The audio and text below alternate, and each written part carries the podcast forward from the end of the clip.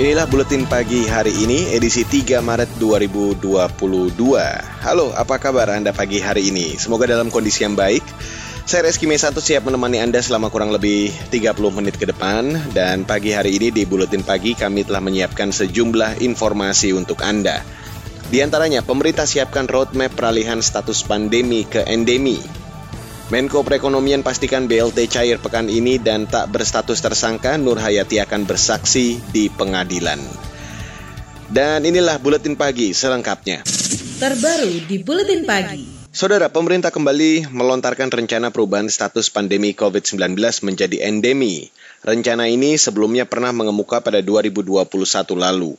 Menteri Kesehatan Budi Gunadi Sadikin dalam keterangan awal pekan ini mengatakan, Rencana tersebut telah disetujui Presiden Joko Widodo. Kata dia, kementeriannya tengah menyusun roadmap peralihan tersebut. Kendati begitu, Budi mengatakan pemerintah akan tetap berhati-hati saat membuat kebijakan yang menyangkut banyak aspek kehidupan masyarakat. Nah, kami juga uh, mendapatkan arahan dari Bapak Presiden tadi atas masukan Bapak Menko mengenai strategi dari pandemi menjadi endemi. Kita sudah siapkan protokolnya. Memang arahan Bapak Presiden agar diterapkan dengan hati-hati dan agar pertimbangan saintifiknya, pertimbangan kesehatannya digunakan secara berimbang dengan pertimbangan sosial, budaya maupun ekonomi. Tapi kami memahami bahwa tidak bisa hanya pertimbangan kesehatan atau saintifik saja yang digunakan, dan itu juga yang terjadi di negara-negara lain. Arahan beliau adalah coba dibuat yang seimbang. Hal serupa juga disampaikan tenaga ahli utama kantor staf presiden atau KSP Abraham Wirotomo. Dalam keterangan tertulis hari ini, Abraham mengatakan Presiden Joko Widodo meminta proses peralihan status tersebut dilakukan dengan matang tanpa tergesa-gesa yang merujuk pada data saintifik dan kalkulasi kondisi terkini. Sementara itu, saudara peralihan status pandemi ke endemi mendapat perhatian parlemen. Anggota Komisi Kesehatan DPR, Rahmat Handoyo, meminta pemerintah mengkaji kembali rencana itu dan tidak perlu latah mengikuti negara lain mengingat kasus kematian akibat COVID-19 di tanah air masih mengkhawatirkan. Hak kita dong warga negara Indonesia, bangsa kita melindungi satu jiwa pun adalah ya harus kita lindungi bersama-sama, dibutuhkan di gotong royongan gitu loh. Nah, masih ada loh 300 orang per hari meninggal hari ini, kemarin 250. Ini kan menunjukkan bahwa masih banyak saudara kita yang menjadi korban uh, COVID-19 gitu loh. Anggota DPR Rahmat Handoyo juga mengatakan untuk mengalihkan status pandemi ke endemi ada persyaratan yang harus dipenuhi. Salah satunya cakupan vaksinasi lengkap. Sementara di beberapa daerah seperti Papua, vaksinasi baru mencapai 25 persen. Senada dengan DPR, Ketua Pengurus Besar Ikatan Dokter Indonesia atau PBID, Adib Humaydi menilai, Kondisi pandemi COVID-19 saat ini masih belum bisa diubah ke endemi lantaran penurunan angka kasus yang belum signifikan atau belum berada di bawah 5 persen. Parameter-parameter yang kemudian dipakai termasuk kemudian kita tahu bahwa pandemi adalah problem global, maka tentunya acuan kondisi yang ada di negara-negara yang lain pun juga harus menjadi rujukan. Sehingga pada saat kemudian kita mau melangkah menjadi endemi, maka yang perlu diperhatikan adalah reproduction number-nya. Reproduction number-nya yang kemudian kalau saat ini nanti akan melangkah menjadi di bawah angka satu, maka bukan tidak mungkin nanti pandemi pun akan dicabut. Ketua PBID Adib Humaydi menjelaskan, transisi pandemi ke endemi tidak bisa hanya mempertimbangkan keadaan di suatu daerah, tapi menyeluruh. Menurutnya, jika pemerintah serius dengan peralihan status tersebut, maka fokus utama ada pada persiapan pemerataan fasilitas, sarana, dan prasarana kesehatan, termasuk meningkatkan kemampuan tenaga kesehatan di setiap wilayah di Indonesia. Adib juga mewanti-wanti meski terjadi tren penurunan kasus dari gelombang varian Omikron, masih ada kemungkinan muncul varian lain dari COVID-19.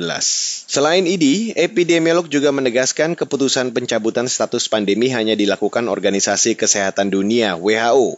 Hal ini disampaikan ahli epidemiologi dari Universitas Griffith Australia, Diki Budiman, merespon rencana pemerintah yang akan menyiapkan strategi mengubah pandemi COVID-19 menjadi endemi. Endemi itu akan perlu kesepakatan. Ada standar kalau disebut endemi berapa kasus kematian yang mau kita anggap itu endeminya. Misalnya jangan lebih dari 10. Kalau lebih dari 10 ya epidemi nantinya gitu. Per 100 ribu, per 7 hari. Jadi ada standar standar-standarnya, berapa kesakitannya, berapa hunian rumah sakit. Tes positivity rate-nya mau di berapa di settingnya di bawah satu persen. Nah itu endemi itu nanti pun pada gilirannya WHO akan memberikan semacam rujukan. Diki yang juga praktisi public global health itu menjelaskan usai WHO mencabut status pandemi, terdapat tiga masa transisi menuju kondisi terkendali. Masa itu yakni endemi, epidemi, dan sporadis.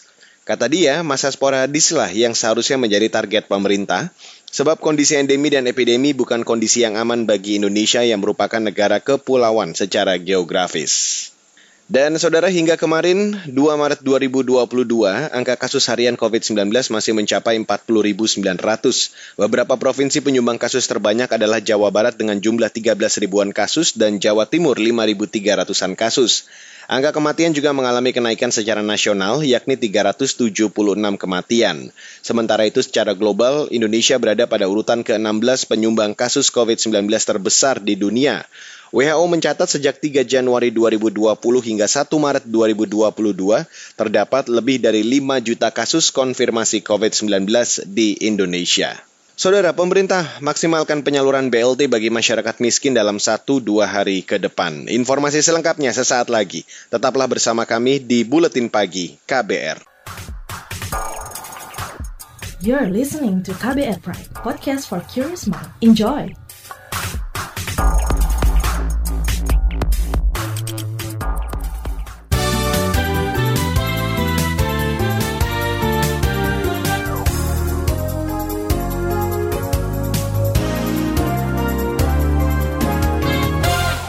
Saudara Menteri Koordinator Bidang Perekonomian Erlangga Tarto memastikan penyerahan bantuan langsung tunai atau BLT bagi masyarakat miskin atau kurang mampu segera disalurkan.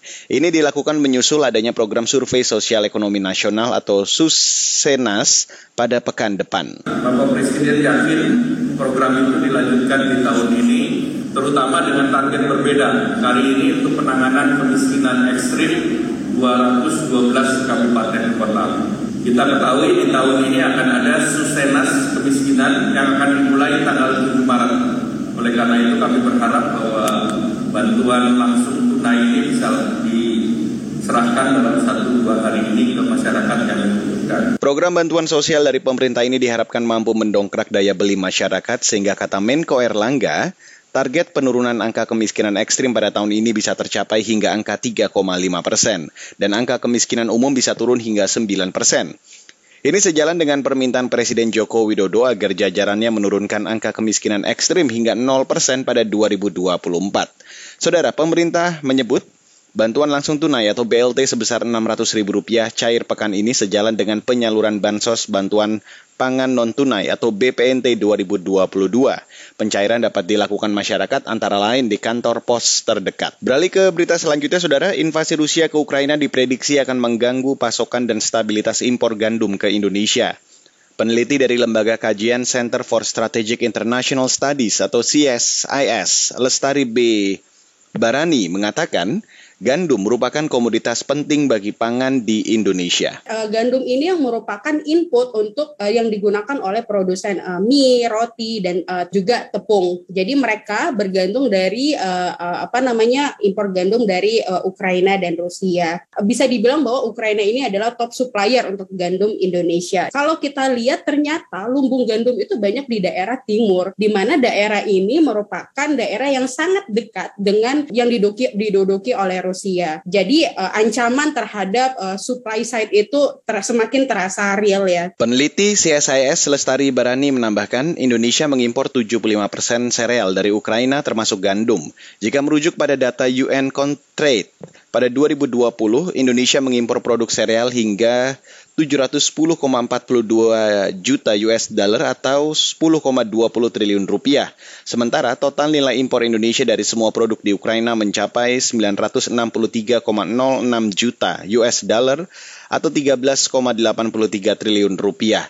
Selain lonjakan harga komoditas, Lestari berpendapat perang Rusia versus Ukraina ini bakal berdampak pada melambungnya harga energi dan memberi efek kejut pada rantai pasok. Beralih ke informasi politik dan hukum, Saudara. Komnas HAM mengungkapkan jumlah korban meninggal di kerangkeng milik Bupati Langkat Nonaktif terbit rencana parangin angin bertambah tiga orang. Komisioner Komnas HAM Hoirul Anam telah meminta Polda Sumatera Utara mendalami temuan ini untuk mengetahui penyebab pasti kematian tiga orang penghuni kerangkeng tersebut. Jadi korban kematian kami mendapatkan informasi di awal, Bik, gitu ya, ada tiga korban yang meninggal, ya, terus di awal juga kami sebutkan bahwa kami bersepakat dengan teman-teman Polda mengatakan lebih dari satu. Habis itu kami berproses sendiri, ya, sampai dua minggu yang lalu kami mendapatkan informasi bahwa jumlah korban itu nambah tiga lagi ada tiga korban lagi, jadi total ada enam korban e, meninggal dunia di sana. Komisioner Komnas HAM Hoirul Anam menambahkan, Pihaknya juga menemukan dua kerangkeng di rumah milik terbit yang dihuni sebanyak 57 orang, serta mendapati adanya 26 tindak kekerasan tidak manusiawi, di mana 18 di antaranya menggunakan alat untuk mengontrol para penghuni. Beralih ke berita selanjutnya, Saudara, Koalisi Masyarakat Sipil Kawal Pemilu 2024 meminta seluruh partai politik tidak melanggar aturan konstitusi. Dugaan potensi pelanggaran yang dimaksud adalah usulan menunda pemilu dengan berbagai dalih, salah satunya ekonomi. Anggota koalisi sekaligus peneliti Pusat Kajian Politik Fakultas Ilmu Sosial dan Ilmu Politik Universitas Indonesia, Delia Wildianti menegaskan, pemilu tetap harus dilakukan tiap lima tahun sekali. Jadi tentu kita harus kembali pada konstitusi gitu ya. Eh, ketika konstitusi sudah mengatur aturan eh, mainnya, prinsip demokrasi juga harus ada pemilu yang reguler eh, dan periodik ya seharusnya dan semestinya kita kembali ke sana supaya tidak terjadi hal-hal yang di luar uh, kehendak kita gitu atau terjadi uh, apa namanya chaos tadi seperti itu. Menurut Delia, negara harus menjunjung nilai demokrasi dan tidak melanggar hak warga negara untuk memilih pemimpin. Adanya pengaturan dua periode masa jabatan menurutnya upaya meminimalisir keributan di masyarakat. Sebelumnya, isu penundaan pemilu sempat dilontarkan Ketua Umum BKB Muhaimin Iskandar. Usulan itu kemudian didukung Partai Golkar dan PAN. Beralih ke informasi lain, Saudara.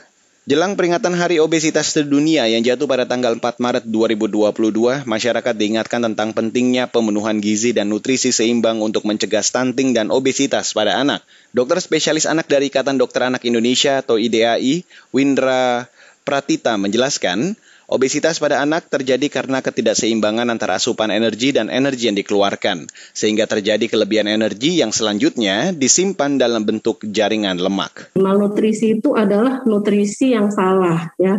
Jadi eh, dia ada bukan hanya kekurangan zat nutrisi, tapi juga kelebihan merupakan malnutrisi ataupun nutrisi yang salah. Jadi berarti obesitas juga harus diatasi ya. Banyak orang pengen anaknya cabi dan lucu tapi ternyata obesitas karena nanti obesitas komorbiditasnya akan sangat banyak apabila dibiarkan di kemudian hari. Dokter spesialis anak Windra Pratita menambahkan, obesitas pada anak dapat memberi efek yang buruk, mulai dari kurang percaya diri hingga komplikasi penyakit seperti asma, kolesterol, dan darah tinggi, serta penyakit jantung hingga diabetes tipe 2. Mengutip hasil riset kesehatan dasar tahun 2018, proporsi dari populasi yang memiliki faktor risiko obesitas pada penduduk berusia lebih dari 18 tahun meningkat dari 15,4 persen di tahun 2013 menjadi 21,8 persen di 2018.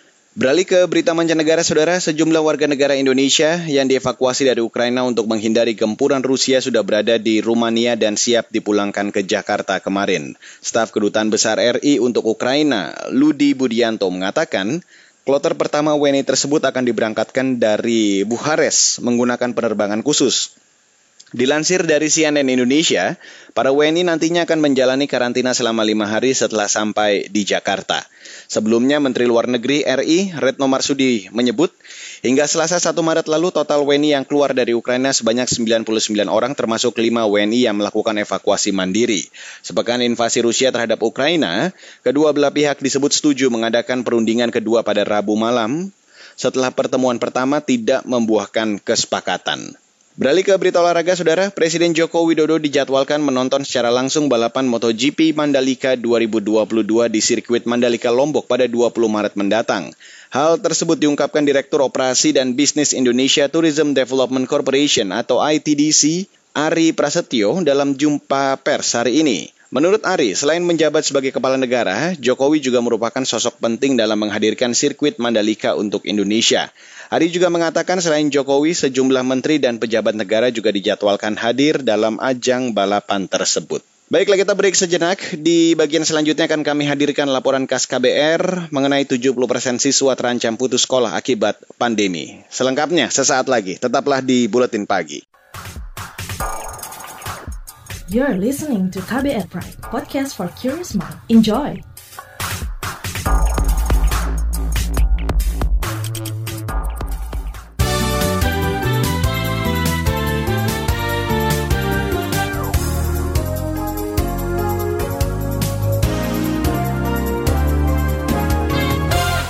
Saudara, sebanyak 70% siswa di Indonesia berisiko putus sekolah akibat pandemi COVID-19. Dari presentase tersebut, 30% di antaranya tergolong sangat rentan putus sekolah. Lantas bagaimana solusinya dan apa upaya pemerintah menekan angka putus sekolah? Informasi selengkapnya saya hadirkan di laporan KAS KBR yang disusun Mutia Kusuma Wardani. Jumlah anak putus sekolah melonjak saat pandemi COVID-19. Menurut data Kementerian Pendidikan, Kebudayaan, Riset, dan Teknologi, terdapat lebih dari 44 ribu anak jenjang SD putus sekolah pada tahun pertama pandemi. Kemudian pada 2021, jumlah pelajar putus sekolah untuk jenjang SD menurun, namun masih terbilang tinggi, yakni sekira 39 ribu anak. Sebelum pandemi, secara rata-rata lebih dari 100 ribu anak di Indonesia putus sekolah setiap tahun. Data itu tercatat sejak 2016 hingga 2019. Namun, terjadi di berbagai jenjang pendidikan seperti SD, SMP, SMA, dan SMK. Sekjen Kementerian Pendidikan, Kebudayaan, Riset, dan Teknologi Suharti menyebutkan sejumlah alasannya selama pandemi ini banyak sekali dampak negatif yang kita alami khususnya untuk bidang pendidikan. Sebagai contoh saja, anak-anak yang putus sekolah untuk anak SD saja ini meningkat 10 kali lipat dibanding tahun 2019. Ya, banyak sekali eh, tekanan dari orang tua, eh, khususnya tekanan ekonomi yang memaksa mereka untuk mengajak anaknya untuk bekerja. Putus sekolah terjadi hampir di semua provinsi di Indonesia, termasuk Kepulauan Bangka Belitung. Di wilayah itu, angka putus sekolah mencapai 0,6 persen atau setingkat lebih banyak dari Provinsi Papua. Kepala Dinas Pendidikan Kabupaten Belitung Timur, Sarjono, mengungkapkan, meningkatnya putus sekolah itu turut memicu peningkatan angka pernikahan dini di sana. Dan dengan itu juga ternyata timbul masalah sosial yang lain. Apa masalah sosial yang lainnya? Pernikahan dini di Belitung Timur itu juga hmm. tinggi. Mungkin salah satu kontribusinya dari pembelajaran di rumah tadi gitu kan. Hmm. Sesuai dengan visi misi bupati untuk program yuk sekolah, ya yuk sekolah. Jadi itu sebenarnya memang untuk mengatasi angka diutuh. Kepala Dinas Pendidikan Kabupaten Belitung Timur, Sarjono, mencatat pada tahun lalu ada sekitar 120 siswa tingkat SMP dan 160 siswa tingkat SMA di wilayahnya yang putus sekolah. Komisi Perlindungan Anak Indonesia membenarkan bahwa pandemi mengakibatkan pendapatan orang tua siswa menurun. Ini jadi salah satu faktor penyebab meningkatnya angka putus sekolah. Komisioner KPAI bidang pendidikan Retno Listiarti menyebut dampak kesulitan ekonomi itu mengakibatkan banyak siswa menjadi pekerja anak atau melangsungkan perkawinan. Alasan lain ialah kecanduan bermain gawai.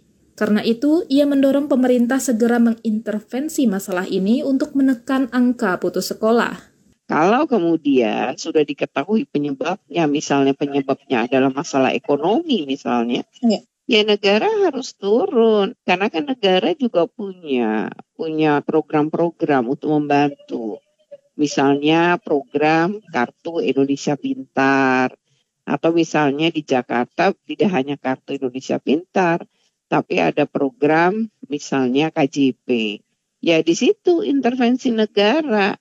Retno juga mendorong sejumlah kementerian seperti Kemendikbudristek Kemenak, dan Kemensos untuk berkoordinasi mengatasi masalah angka putus sekolah selama pandemi virus corona. Peningkatan angka putus sekolah turut mendapat sorotan dari parlemen. Ketua Komisi Pendidikan DPR RI, Abdul Fikri Fakih, menyarankan pemerintah tidak mengalihkan anggaran pendidikan untuk pemulihan ekonomi nasional.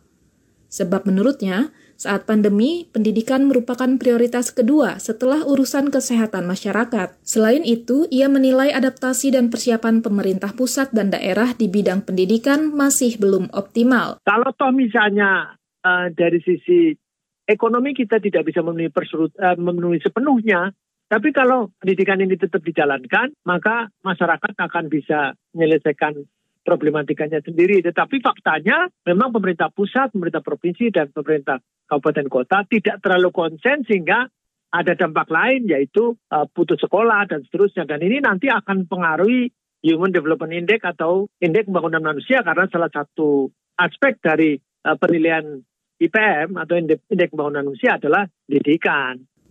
Politikus PKS Abdul Fikri Fakih menambahkan, peranan satuan pendidikan juga diharapkan dapat aktif memantau dan mengunjungi rumah-rumah siswa yang tidak mengikuti kegiatan pembelajaran selama belajar jarak jauh. Terlebih, banyak siswa yang kekurangan fasilitas untuk melaksanakan pembelajaran jarak jauh, semisal tidak punya gawai dan kuota internet. Demikian laporan khas KBR, saya Mutia Kusuma Wardani. Dan saudara, informasi dari berbagai daerah akan saya hadirkan sesaat lagi. Tetaplah bersama kami di Buletin Pagi KBR.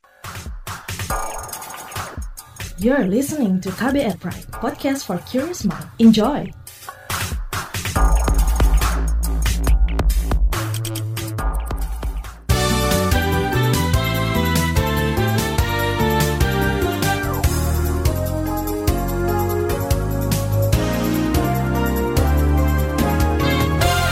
Saudara pelapor kasus dugaan korupsi di Desa Citemu, Cirebon, Nur Hayati siap bersaksi terkait kasus rasuah yang diduga dilakukan Kepala Desa Supriyadi. Nur Hayati sebelumnya ditetapkan tersangka setelah melaporkan kasus korupsi di desanya. Kuasa hukum Nur Hayati, Elias Budianto mengatakan, status tersangka akhirnya dibatalkan oleh Kejaksaan Negeri Kabupaten Cirebon dengan mengeluarkan surat ketetapan penghentian penuntutan atau SKP 2. Ya, proses selanjutnya Nur Hayati, Bu Nur Hayati adalah menjalani sidang untuk kesaksian kasusnya uh, Kuwu, Saudara Supriyadi. Beliau sudah lagi tidak tersangka, maka adalah uh, ya sebagai saksi seperti biasa saja, tidak lagi menjalani kasus yang mengerikan kemarin kan begitu loh. Kuasa hukum Nur Hayati Elias Budianto mengucapkan terima kasih kepada seluruh pihak yang turut mendukung perjuangan Nur Hayati hingga terbebas dari status tersangka. Dia meminta masyarakat tetap mengawal kasus korupsi yang diduga dilakukan Kepala Desa Citepmu Supriyadi. Dalam perkara itu negara diduga merugi hingga 800 juta rupiah. Beralih ke Jawa Tengah, Saudara, di mana sekira 330-an warga lanjut usia atau lansia di Jawa Tengah meninggal akibat terinfeksi COVID-19. Kepala Dinas Kesehatan Jateng, Yunita Diah menyebut, data itu yang tercatat selama 1 Februari hingga Maret 2022. Mereka umumnya mengalami batuk dan demam setelah dinyatakan positif lewat tes PCR. Para lansia itu juga memiliki penyakit bawaan seperti diabetes. Yang meninggal juga banyak lanjut usia, usia lanjut, dan komorbid jadi makanya hati-hati ini. Jantung, hipertensi, diabetes, diabetes dan kadang satu pasien itu punya beberapa itu tadi. Misalnya nggak jantung tak gitu loh, tapi ada diabetesnya juga itu. Rata-rata itu. Usia lanjut plus komorbid. Udah, Makanya presiden kan bilang lansia harus didorong untuk vaksin tadi. Kepala Dinas Kesehatan Jateng Yunita Diah meminta kepada masyarakat yang memiliki keluarga lansia dan sakit dengan gejala mirip corona untuk segera mendapatkan penanganan medis. Selain itu, ia juga menghimbau kepada masyarakat tetap menerapkan protokol kesehatan secara ketat ketika beraktivitas. Saudara, tim gabungan TNI Polri menemukan satu jenazah yang tertimbun longsor sedalam 2 meter di Kecamatan Tigo Nagari sore kemarin. Menurut Dandim Pasaman, Heri BA, Penemuan jenazah pria berusia 50 tahun ini dibantu anjing pelacak dan warga setempat. Berkat kerjasama dengan masyarakat menggunakan anjing pemburu. Uh, setelah anjing pemburu mencium bau seperti bau jenazah, jenazah anjing uh, kami langsung menggali di situ ternyata, ternyata memang kami menemukan memang baru nampak kakinya salah satu kaki. Dan dengan ditemukannya satu jenazah, maka total korban meninggal di Pasaman Barat berjumlah 13 orang. Sementara tiga orang yang dinyatakan hilang masih dalam pencarian. Heri mengatakan pasca gempa hingga 14 hari ke depan, tim gabungan masih akan terus mencari keberadaan korban hilang dan kemungkinan korban lainnya. Sebelumnya diberitakan dua gempa beruntun dalam waktu selisih 4 menit menghantam Sumatera Barat pada 25 Februari lalu. Dan saudara informasi tadi sekaligus menutup buletin pagi hari ini edisi 3 Maret 2022. Tak lupa saya mewakili tim redaksi KBR mengucapkan selamat memperingati Hari Raya Nyepi untuk Anda yang merayakan. Tetap patuhi protokol kesehatan di mana pun Anda berada, hindari kerumunan, kurangi mobilitas semaksimal mungkin bila tidak ada kebutuhan yang benar-benar mendesak, dan pastikan Anda tetap menggunakan masker bila Anda berada di ruang publik. Saya Reski Mesanto undur diri dari Buletin Pagi. Salam.